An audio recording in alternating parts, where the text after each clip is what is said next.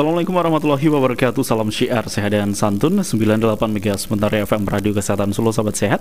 Masih mengudara dari Jalan Teguh Umar nomor 5 Kota Surakarta Atau lebih tepatnya di Gedung Dakwah Balai Muhammadiyah Lantai 2 Kota Surakarta. Selamat pagi Sahabat Sehat. Senang sekali Ridwan Syafiq hadir ya Di akhir pekan kali ini seperti biasa Di hari Sabtu Tanggal berapa ini ya? 13 Syakban 1442 Hijriah Atau berarti tinggal Hamin 17 menuju Ramadan Sahabat Sehat ya dan juga bertepatan dengan tanggal 27 Maret 2021. Seperti biasa sobat sehat ya kalau sudah akhir pekan uh, jam 10 sampai jam 11 gitu kan. Wah, Ridwan hadir menemani ruang dengar Anda sobat sehat ya. Siaran bareng dengan Suara Muda Solo dari Ikatan Mahasiswa Muhammadiyah Kota Surakarta. Hari ini ada teman Ridwan yang sudah uh, pingin gabung gitu kan. Kita sapa dulu nih. Ada Mas Danang Maulana Arif SGU Kabit Hikmah Pimpinan Cabang IMM Kota Surakarta. Assalamualaikum. Waalaikumsalam warahmatullahi wabarakatuh. Sehat Mas Danang? Alhamdulillah. Alhamdulillah. Sehat. Sehat. Tadi perjalanan naik apa Mas Danang? Naik motor aja. Naik motor ya. Oke, udah sarapan ya? Alhamdulillah. Mm-mm. Biasa bangun pagi jadi sarapan teratur. Alhamdulillah itu yang paling penting gitu, nggak bisa dilewatkan gitu kan? Betul itu. Uh, uh, bener banget ya. Iya, Mas Danang hari ini kita ngobrolin apa nih? Maret-Maret itu hubungannya dengan apa ya biasanya ya? Maret-Maret itu hubungannya dengan Uh, apa ya? Ada Hmm. M lahir, ya MM lahir. Oh iya, selamat milad ya ke-57 ya MM. kemudian juga saya Mm-mm. lahir Waduh. Tanggal berapa nih? tanggal 16 kemarin. 16 kemarin ya. Udah lewat ya sobat sehat Terus ya. yang paling penting itu yang menjadi tonggak sejarah itu munculnya surat perintah 11 Maret. Surat perintah bulan Maret. Super Semar. Iya, betul bersemar. Hmm, gitu ya. Kalau orang-orang ngomongin Super Semar gitu kan 11 Maret selain nama universitas gitu ya. Super Semar itu pasti kaitannya dengan wah Pak Harto ini. Iya, betul. Emang bia- emang gimana sih Super Semar Mas Danang? Surat perintah yang dikeluarkan oleh Hmm. Soekarno Hmm. yang ditujukan kepada ketika itu Mayor Jenderal Soeharto Ya, selaku mm-mm. Panglima TNI Hmm. Hmm. untuk meredamkan konflik yang terjadi pasca gerakan 30 September. Hmm, hmm, hmm. Panjang ceritanya. Panjang. Makanya kita ngobrol di sini. Nggak apa-apa sih. Ridwan ada durasi panjang nih buat Mas. Danang cerita. Long time. Oke. Gitu ya. Jadi untuk meredam 30S gitu ya. Ya. Katanya palsu, Mas. ya itu soal palsu itu soal lain, tapi yang Hmm. jelas Hmm. suratnya keluar. Soalnya keluar gitu ya. Dan ini Banyak versi yang keluar. dan banyak versi yang keluar. Tapi eh, apa sih yang yang itu surat kuat banget ya Mas Danang ya? Lebih kuat dari Hmm. surat putus kayaknya. surat cinta gitu ya. Cuman gini, Eh, itu iya. kan Hmm. surat itu kan keluar Hmm. waktu itu pada tanggal 10 Maret 1966. Hmm. Setahun setelah gerakan 30 Ya, setahun September ya. setelah Gestapo. Hmm. Eh, ada rapat menteri Hmm. di Istana Negara. Hmm. Lalu kemudian eh, ada eh mohon maaf tanggal 11-nya itu. Hmm. Hmm. 11 pagi Hmm. itu ada rapat menteri di di Istana Negara, Hmm. tapi ada demo. Demo dari mahasiswa yang anti sama komunis. Hmm. Nah, tahu-tahu itu ada pasukan yang tak dikenal Hmm. merangkap masuk ke istana. Iya. Akhirnya Soekarno memutuskan untuk menyelamatkan diri dan pergi ke Bogor. Malamnya kan, Iya, iya. itu rapat ditunda. Kemudian siangnya Soekarno berangkat pakai helikopter ke Bogor. Lah malamnya sekitar jam 6 itu tiga perwira angkatan darat Pak Basuki Rahmat, Kemal Idris sama Amir Mahmud itu ngomong sama Soekarno Hmm. bincang-bincang lama bincang lama lah dan akhirnya di situ diputuskanlah malam itu jam 6 Hmm. surat perintah 11 Maret keluar nah surat perintah 11 Maret itu keluar Hmm. setelah keluar dibawa surat itu ke markas Mabes Angkatan Darat Hmm. Nah pas di mobil ada satu seorang perwira saya lupa namanya dia bilang ini surat kuasa banget ini gitu. Kuat Surat banget kuat ya? banget artinya. Pas dia baca kaget. Hmm. Gila ini surat kuat banget gitu kalau Pak Harto megang. Nah akhirnya sama surat itu kemudian dikasih ke Pak Harto, Pak Harto baca terus dibawa ke Pangkostrat suruh ngefotokopi Oh, sempat difotokopi ya? ya difotokopi Hmm. sejak sejak itu udah nggak tahu ke mana Aslinya. aslinya iya tapi yang jelas waktu itu keluar Hmm. dan Soekarno menan- menandatangani nah itulah yang menyebabkan banyak versi Hmm. dan zaman itu kan belum ada mesin fotokopi kan Hmm. ya pakainya foto dari atas itu udah waktu itu toko-toko banyak tutup dan nyari tempat fotokopi sangat sulit Pandemi ya. nah itu tanggal, tanggal 11-nya kan Hmm. 11-nya 11-nya kemudian angkatan angkatan darat merespon mereka rapat di Mabes TNI besoknya jam 4 pagi perintah pertama muncul Mm-mm. dari Soeharto selaku pengemban amanah Super Semar untuk membubarkan Partai Komunis. Hmm. Berarti tanggal 11 jam 6 sore itu dikeluarkan Super Semar, besok paginya jam 4 langsung dipakai surat kuasa itu. Power sekali makanya. Das-des gitu ya. Ah, das- das. Langsung gitu ya. Ah, ah. Ya meskipun ketika itu Soekarno protes, Iya. maksudnya yang surat perintah itu hanya untuk mengamankan ketertiban, Mm-mm. mengamankan wibawa presiden dan ajaran presiden Soekarno. Mm-mm. Tetapi ya yang namanya orang sudah berkuasa, Hmm. mau pakai teori apa pun, ya dia udah berkuasa bro gitu. Hmm. Teorinya memang nggak boleh membubarkan partai politik dan nggak boleh menggunakan sebagai kuasa eksekutif. Tetapi kalau udah di atas mau gimana lagi kan? Gitu ya. Jadi em, berarti Soeharto dalam hal itu benar-benar menjalankan sesuai perintah suratnya atau gimana tuh? Betul. Soeharto itu bahkan Soeharto juga dipuji sama Soekarno waktu waktu tanggal 17 Agustus tahun 66 itu Soekarno pidato. Dia pidato jas merah judulnya, jangan lupakan sejarah. Sejarah. Dia bilang kalau surat perintah 11 Maret itu bukan peralihan kekuasaan. Tapi dia juga memuji dan dia berterima kasih penuh kepada Jenderal Soeharto ketika itu telah melaksanakan tugas sebaik-baiknya. Karena kan Soeharto kan ditunjuk sebagai apa namanya caretaker kan penggantinya Pak Ahmad Yani yang ketika itu diculik sama gerombolan 30 September. Oke. Jadi sudah melakukan yang sebaik-baiknya Ya, gitu ya. Sebaik-baiknya meskipun dalam tatarannya itu karena gerakan 30 September itu kan kita tidak bisa melihat dari satu sudut pandang Yes. Hmm. Banyak berarti. banyak makanya eh, kalau ada yang tanya sebenarnya Gestapo itu siapa sih pelakunya gitu Hmm. Oh, bahkan orang seperti Prof Salim Said aja nggak tahu loh pelakunya siapa kalau aku baca itu kan saya baca tiga buku. Hmm.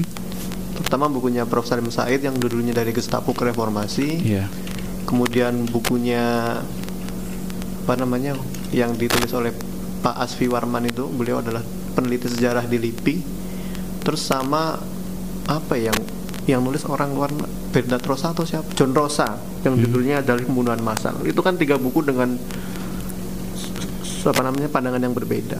Mereka sepakat ada semacam missing link ada satu rantai yang terputus itu loh. Kok bisa seperti itu? Dari dari kejadian 30 September Ah, itu. kok bisa jenderal itu dibunuh gitu kok Hmm. bisa? Siapa yang perintahkan bunuh jenderal? Ya ada semacam missing link itu kan kayak teorinya Darwin itu loh. Darwin kan dia mau ngomong katanya missing link. Jadi dia bilang kalau sekarang ini Homo sapiens sekarang itu berbeda dengan manusia purba karena Yes. ada satu rantai yang terputus. Hmm. Dia nggak mau ngakui Adam Hmm. nggak mau nggak mau mengakui Nabi Adam Iya. Ya sama dalam sejarah Gestapo juga ada semacam missing link satu rantai yang terputus yang sampai sekarang masih tidak tahu itu kabutnya masih belum kebuka. Dan apakah akan terbuka? Suatu saat nanti pasti bakal terbuka Pasti ya. karena memang kita tuh masih belum bisa berdamai dengan Masa lalu. masa lalu dengan sejarah. Hmm. Gitu ya. Mm-mm. Tapi takut nggak sih kita ngomongin ini? Nggak, nggak perlu. Nggak Ini perlu kan ya? bagian dari pembelajaran sejarah. Oke, siap siap. Gitu. Nah, nah eh, kontroversi kontroversi nggak berarti sebenarnya kalau Spurs Ya, jelas kontroversi. Mm-mm. Karena masing-masing punya versi. Satu, kalau golongannya orang yang anti sama Soeharto, Soeharto. menganggap ini adalah surat apa namanya? Gawe-gawean gitu ya. Gawe-gawean. Terus Hmm. dia bilang salah satu surat untuk Suha- eh, Soeharto mengkudeta Pak Karno. Hmm. Nah itu loh yang sampai sekarang bahkan berkembang. Berkembang Gitu. disebut sebagai kudeta merangkak. Hmm. Kalau bahasanya orang itu kudeta merangkak. Hmm. Pelan-pelan kudetanya. Dan kalau bagi pendukungnya Pak Harto, kita itu angkatan darat, ya ini salah satu cara terbaik untuk menyelamatkan bangsa gitu loh. Daripada masuk dalam pusaran konflik politik yang lebih luas, ambil alih saja kekuatannya. Gitu. Tapi- Hmm? Heeh. Tapi apa? Ada Tapi yang apa? menarik juga sih. Gimana? Eh, apa namanya?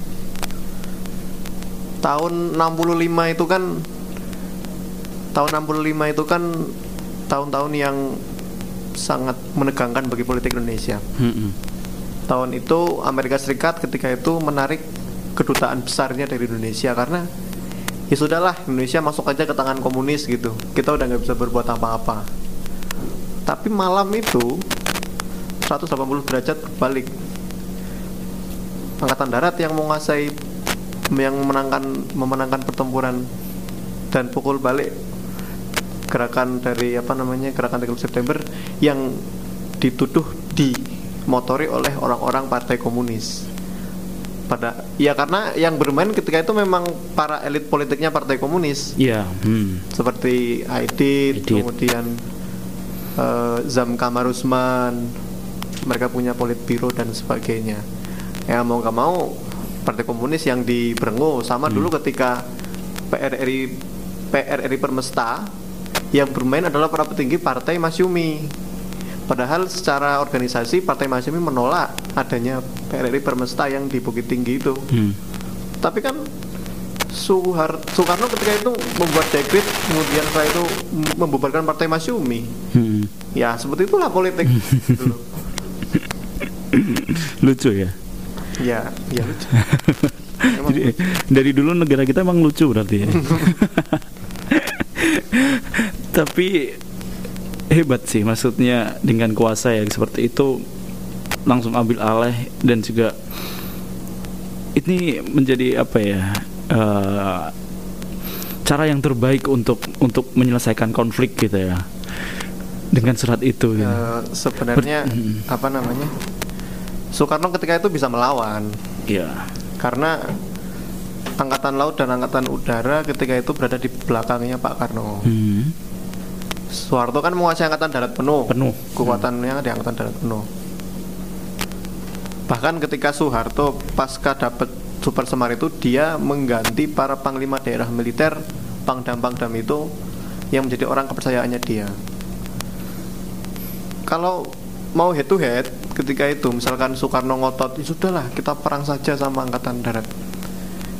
Lain cerita. Padahal kalau dipikir-pikir ketika itu Indonesia menjadi kekuatan militer bes- terbesar di Asia kan. Ya kadang apa negara lain Cina masih konflik eh masih bangun itu dari mau. Kemudian Korea Selatan itu masih pasca terpuruk. Jepang apalagi habis kalah perang. Hmm. Ya kekuatan yang stabil politiknya ketika itu Indonesia.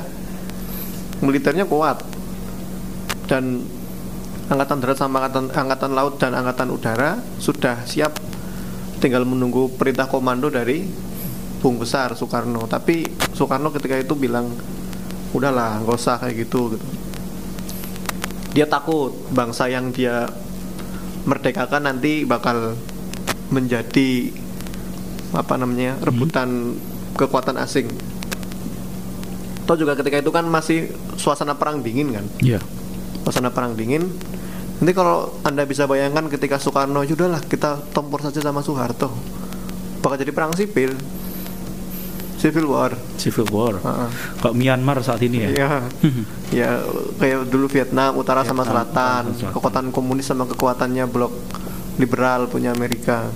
Bakal jadi, aku yakin bakal jadi seperti itu dan Indonesia mungkin sudah tidak ada. Hmm. Kita terpecah dari beberapa negara. Negara Jawa, negara Sumatera Nah, itu.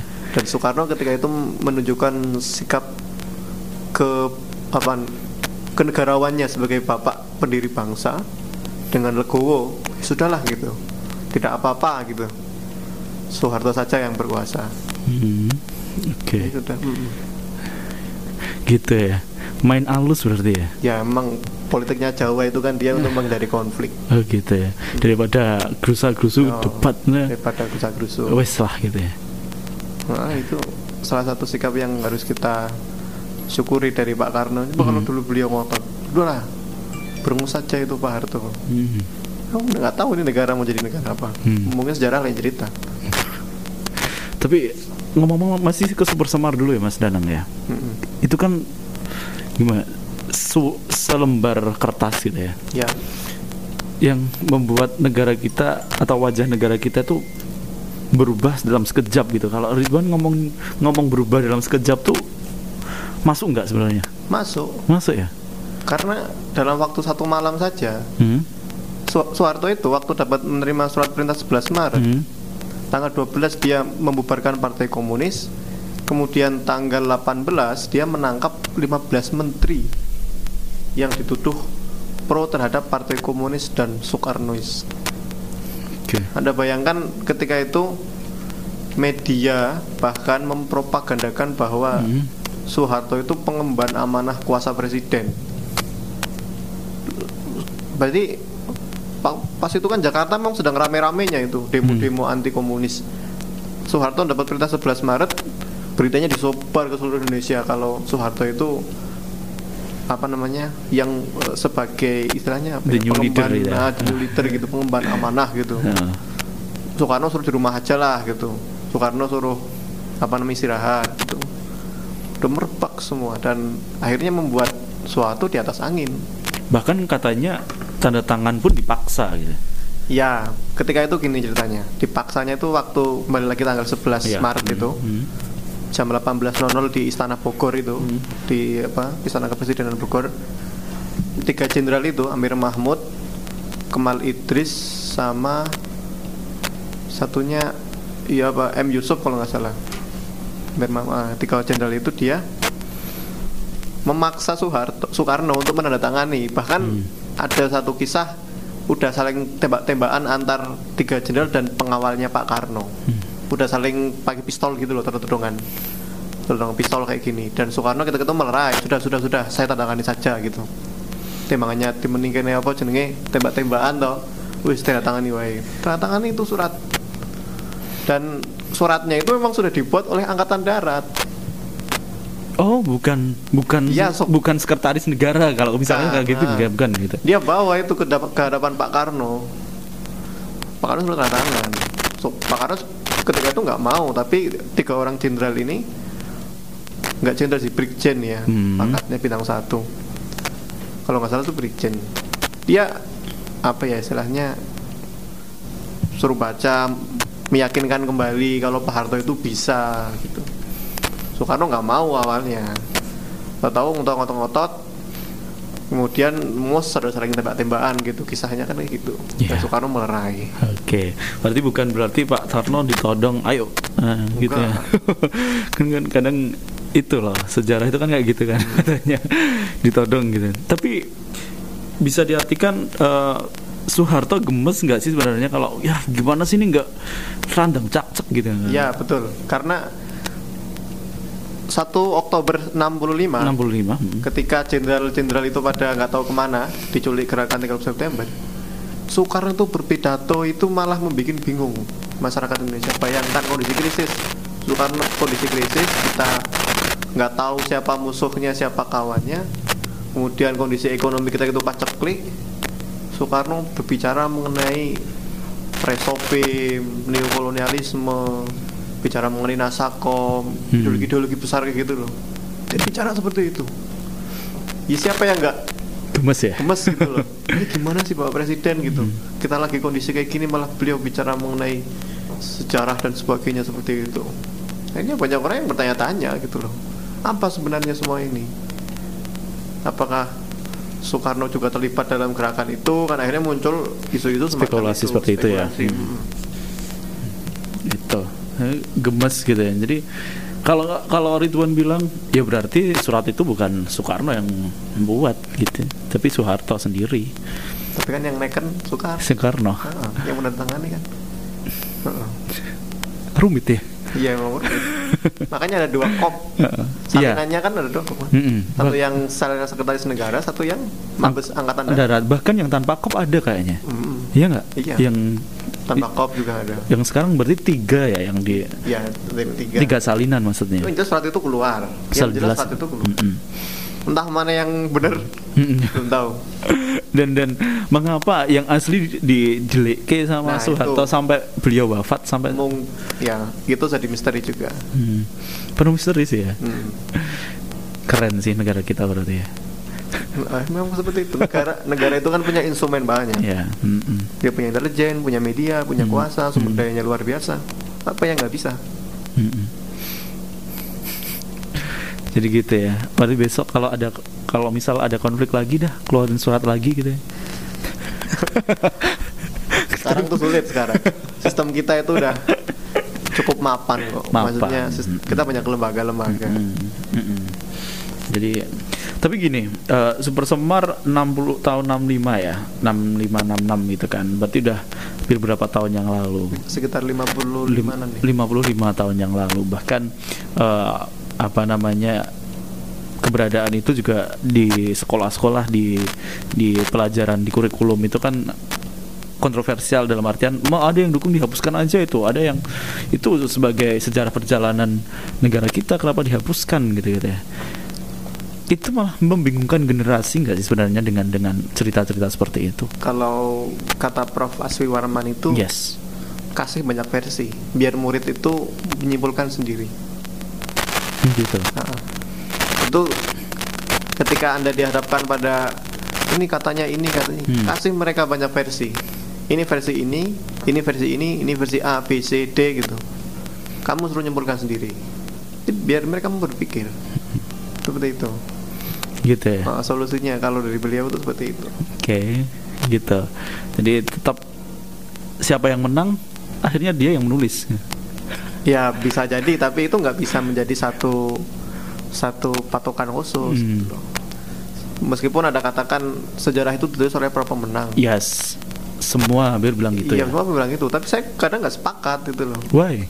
Ya kita juga perlu mengcross sejarah itu itu loh. Mhm. Anda jangan pasrah. Sudahlah, yang menang dia kok, berarti sejarahnya versi dia gitu.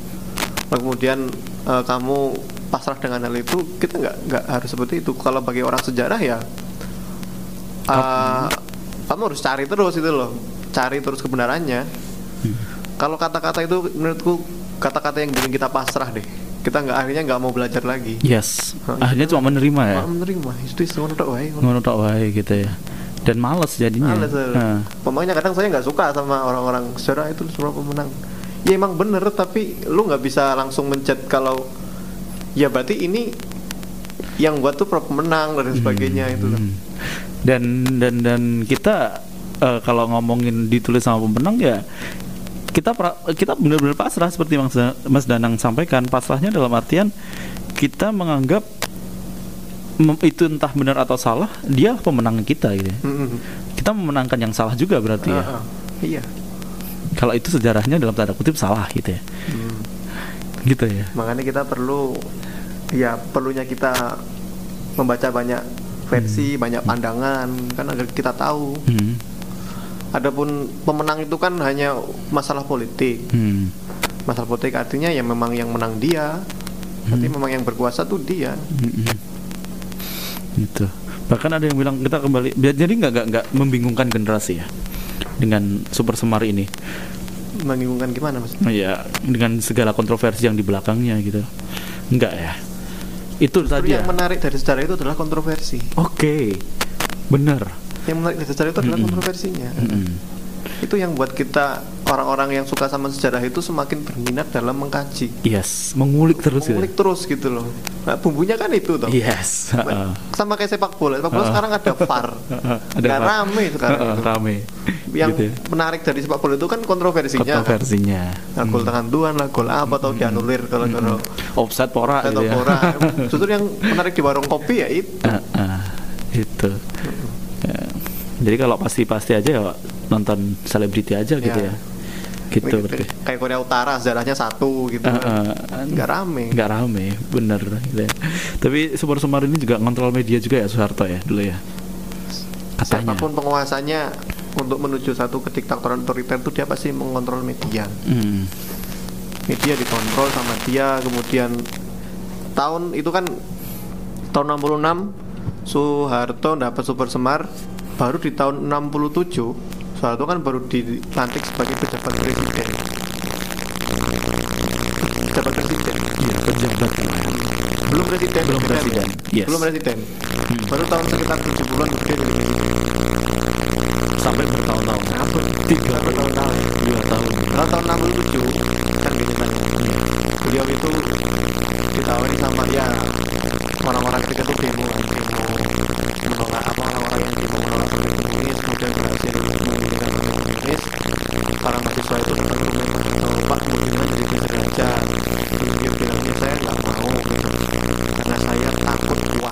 karena melangkai Pak Karno selaku pendiri bangsa ini. Makanya saya lebih jadi pejabat presiden saja. Itu padahal debatnya dari pagi sampai subuh kalau kisahnya itu. Terus kemudian sekitar tahun 70-an gitu aku lupa tahun berapa ketika Indonesia mau membangun kan dia butuh utang negara kan? Ya. Hmm. kalau butuh utang negara. Nah Jepang Jepang itu ketika itu yang mau dipinjemin itu nggak mau kalau yang menandatangani pejabat harus presiden ayo satu jadi presiden sampai sampai tahun 98 dulu nggak mau malah lanjut terus Udah nggak mau malah terus tuman ya. ya. Tuman, tuman. gitu ya. Tapi ya beda sih gitu. Kalau kita lihat orang-orang tua kita ya banyak versi juga sih. Kita, kita kan masih ikut masanya Soeharto nggak sih lahirnya? tahun 97 97 ya. Wah, ya panas-panas ya.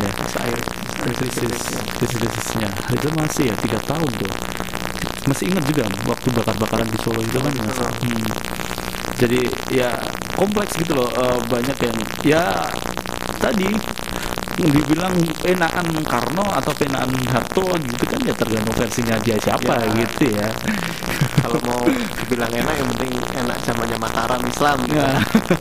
nggak ada Pak. semua serba murah gitu Serba murah gitu. Langsung. Heeh, kita ya. nggak bisa me- nggak apple to apple Hmm. era zaman Pak Harto Pak Harto dengan era sekarang nggak isoh ya. Nah, Mm, ya ya wes gitu tapi kita kalau sebagai rakyat nih sebagai penikmat sejarah juga sebagai penikmat uh, hasil dari super semar itu kita bisa bilang gitu nggak sih? Kita sebagai hasil penikmat? Ya betul. Super Semar itu menjadi satu perjalanan bangsa kita. Hmm. diakui itu menjadi dinamika perjalanan bangsa ini dan tentu kita harus bisa belajar dari semua Hmm. itu. Ya itu sebagai penikmat hasil gitu ya. Nah, apa sih selain syukur yang bisa kita dapat? Oh itu bisa buat kita belajar nih dan juga negara kita ada cerita ya.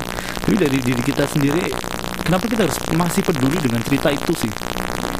Sejarah itu kan kalau dalam Al-Quran kenapa kok Al-Quran itu banyak bicara mengenai sejarah? Yes. Makanya kan kola asatirunal awalun gitu kan kata ya Hmm. orang-orang terdahulu. Ya karena ada ibroh di situ ada hikmahnya.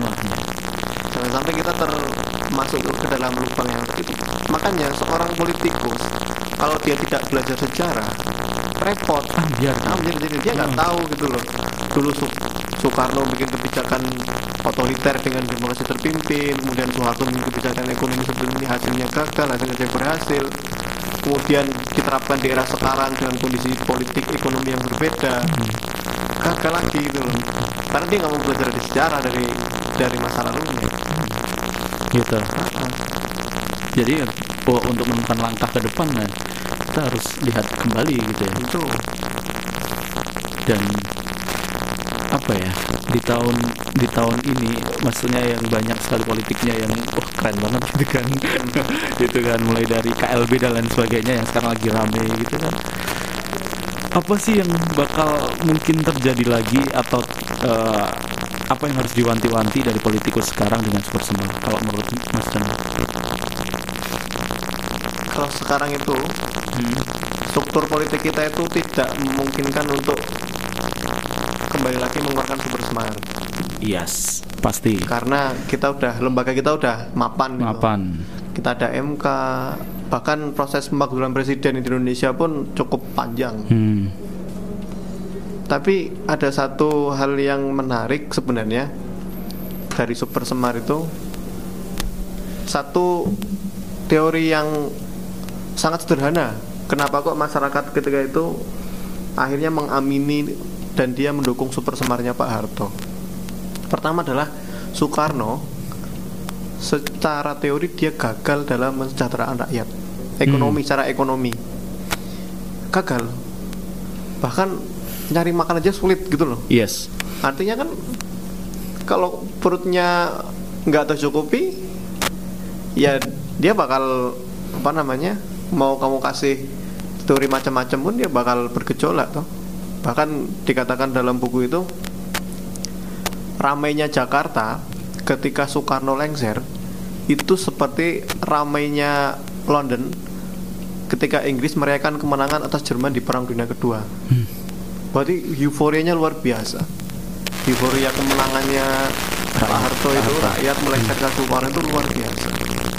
Luar biasa sekali. Dan kita masuk karena ketika itu kan masyarakat sudah ingin masuk ke zaman Orde Baru kan? Baru.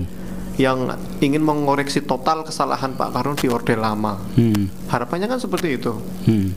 tetapi ya namanya juga harapan kan ya ya memang pada awal periode memang stabil tahun 80-an bahkan kita pernah mengalami era oil booming minyak Ya. sampai dolar itu Hmm. di mana-mana gitu tapi pasca itu kan juga apa namanya ekonominya turun dan puncaknya reformasi dan kita masuk di era saat ini era ekonomi industri modern dengan struktur politik dan struktur pasar dunia itu yang sangat berbeda di tahun tersebut.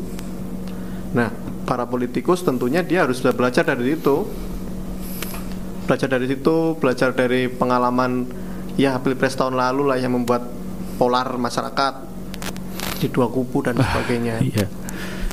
Hmm. Jadi gimana lanjutan? Masih ada lagi ya? Itu dulu aja.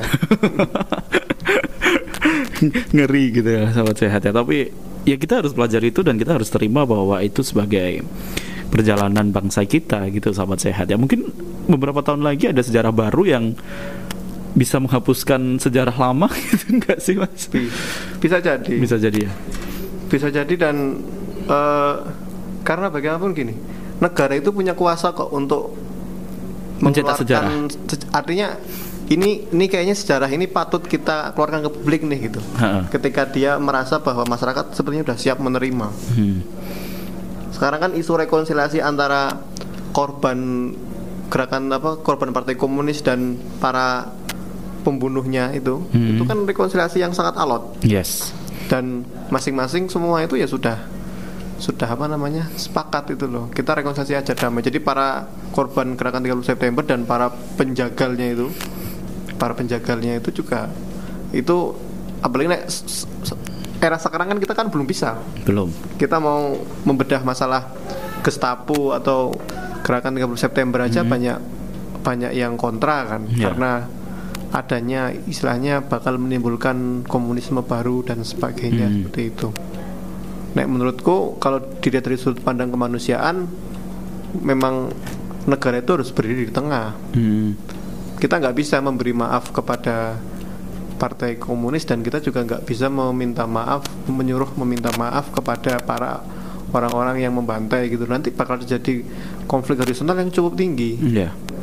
ya you tahu lah apalagi di kota Surakarta ini kan sangat dinamis dan kompleks kompleks Hmm, masyarakatnya kompleks banget. multikulturalismenya belum siap menurutku untuk saat ini Belum siap ya. Hmm. So kapan? mungkin generasi kita kita ini kalau udah tua ya kalau udah umur 60 70 ya, ya. jangan 60 lah sekitar 40, 40 ya. itu baru kan ada 20 tahun lagi berarti ya. 2041 ya, lah. artinya para generasi-generasi tahun 65 ini sudah sudah apa namanya sudah eh ya sudah sedo gitu loh udah Hmm. pada tidak ada digantikan generasi baru kita baru bisa menerima sejarah itu Hmm. Menerima dalam arti Yang dalam artian oke. dikeluarkan sejarahnya sama negara Hmm. ini kayak Amerika itu kan merdeka tahun 1700 Yes. Mereka kelam sejarahnya adanya pembunuhan perbudakan dan sebagainya kan banyak Heeh. baru dikeluarkan ke med- apa namanya masyarakat Amerika kan baru bisa menerima sekitar tahun 1900 900 ya. Mm-mm. mapan kan secara demokrasi secara politik mapan mereka baru bisa menerima Hmm. Menerima apa pun ya, termasuk permintaan maaf dan lain sebagainya ya. jadi karena beda didikan didikan Orba didikan Soekarno itu kan apalagi para masyarakat kita kan memang kebanyakan dan para elit politik elit politik kita para penguasa-penguasa lokal daerah itu kan memang dididik di eranya Pak Harto Ya. dengan doktrinisasi Hmm. seperti itu. Hmm. Sekarang kan masyarakat anak-anak sekarang kan dididik di era era yang serba bebas seperti Bebas. ini. Pasti hasilnya bakal beda. Beda, bener. Dalam menerima sejarah pun nanti bakal beda. Iya. Dan itu yang menjadi harapan kita nanti di tahun mungkin 2045 atau berapa generasi-generasi itulah yang bisa berdamai dan menerima semua itu. Hmm, gitu ya. Semoga bener gitu ya. Ya amin.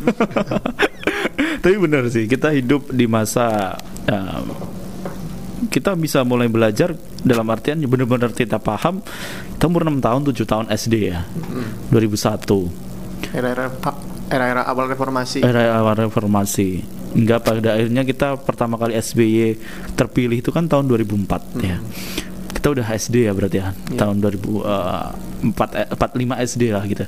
Dan kita SMP SMA gitu kan wah udah bebas banget ya masa SBY Jokowi gitu. Udah banyak versi sejarah, Mbak. iya benar. Dengan modal HP aja kamu bisa tahu mana yang ini ini ini itu.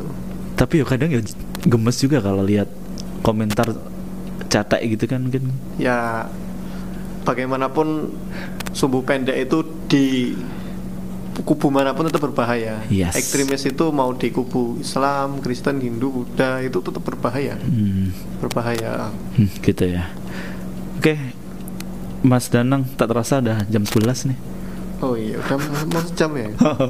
kita besok episode lagi lah sama Ridwan lagi Oke, boleh. boleh lah nanti tak bilangin sama teman-teman bicara super semar tuh. Ah, ah, besok tiap, tiap bulan tuh banyak sejarah kok. Oh, Dan gitu ya? memang aku kuliahku di geografi, Hmm. tapi memang sejak dulu memang suka belajar sejarah dan Hmm. sering banyak masuk komunitas sejarah. oke Apalagi di Solo ini kan. Ah. Di Solo kan sejarah Mataram Islam itu kan luar biasa. boleh lah besok lah Mangkunegaran sama Keraton kita Oke, boleh. boleh lah ya Dikaji masalah itu. Dikaji masalah besok April apa ini oh gitu mungkin ya bulan depan April ya Ah, April. kita bolehlah Kartini yang katanya tentang kesetaraan gender dan lain sebagainya itu Ya, kan itu isu, bisa, isu isu-isu. keren banget ya itu kan lagi lagi itu kan kita terima kasih Mas Danang Oke. sukses selalu sama-sama. semoga kita benar-benar tahun 2045 gitu ya kita dapat generasi yang hebat gitu ya Bonus demografi. bonus geografi benar terima kasih selamat lanjutkan aktivitas Assalamualaikum warahmatullahi wabarakatuh Assalamualaikum warahmatullahi wabarakatuh.